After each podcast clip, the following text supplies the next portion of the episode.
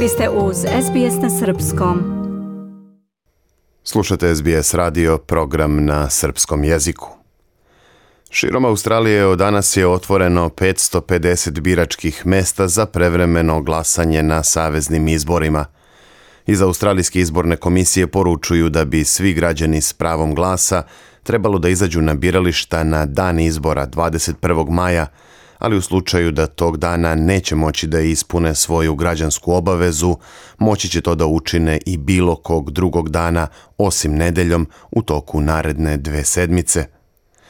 I do glasanje polako počinje, lideri dve najveće političke stranke suočili su se sinoć u drugoj predizbornoj debati koju je organizovao Kanal 9. Savezni premijer i lider liberala Scott Morrison i njegov suparnik lider opozicione laborističke partije Anthony Albanese suprotstavili su svoje stavove o mnogim pitanjima, pre svega u vezi sa merama za podsticaj ekonomije, dostupnošću nekretnina i tretmanom žena u australijskoj politici.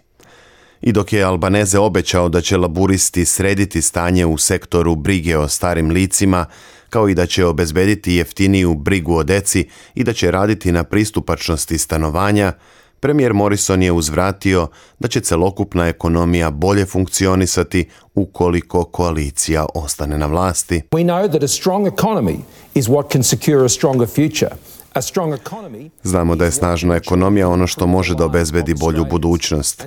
Samo jača ekonomija može da poboljša živote Australijanaca, a na ovim izborima će se birati između jače ekonomije na osnovu plana koji smo imali i koji nas vodi u budućnost ili slabije ekonomije. Birat će se između sigurne budućnosti i neizvezne budućnosti. Naš plan će obezbediti još milion i trista hiljada radnih mesta, 400 hiljada više malih preduzeća i ulaganje u infrastrukturu infrastrukturu koja je Australiji potrebna za ekonomski rast.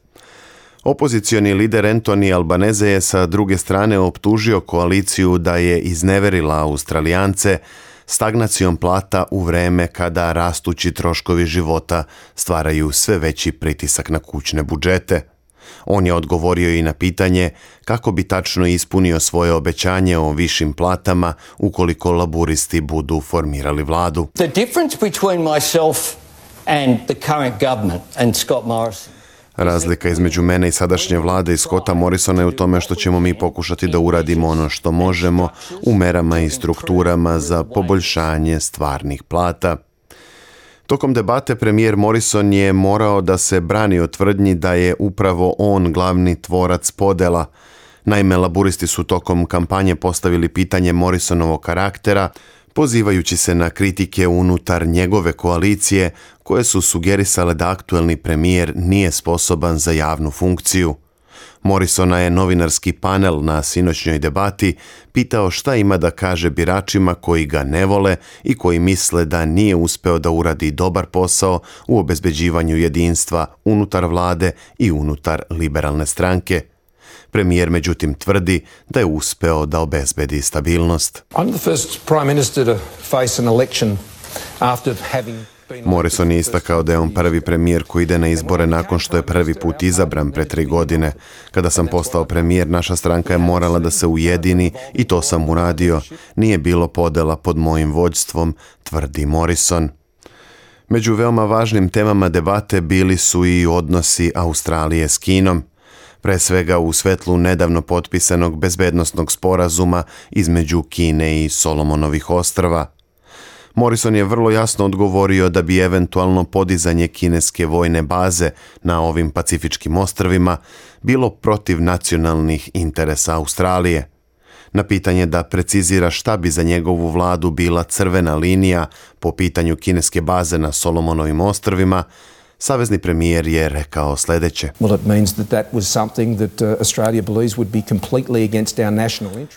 Crvena linija bi bila nešto za što smatramo da bi bilo potpuno protiv našeg nacionalnog interesa, a također verujemo i protiv nacionalnog interesa Solomonovih ostrva.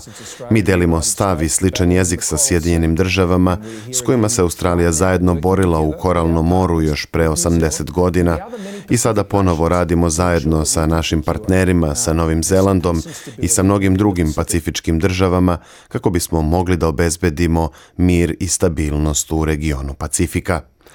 Morrison međutim nije rekao da li će i na koji način koalicija pokušati da spreči podizanje kineske vojne baze na Solomonovim ostrvima.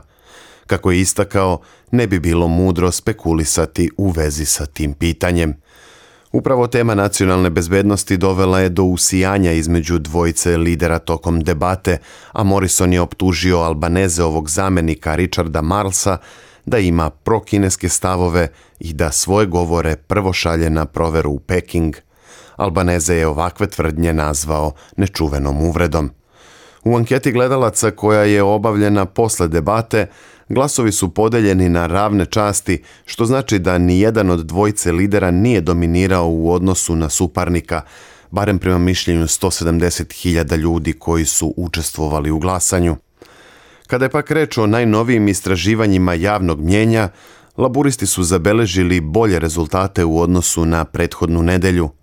Prema anketi Ipsosa koja je urađena za Australian Financial Review, laburisti su u prednosti od 52% prema 40% na osnovu preferenciji između ove dve političke opcije.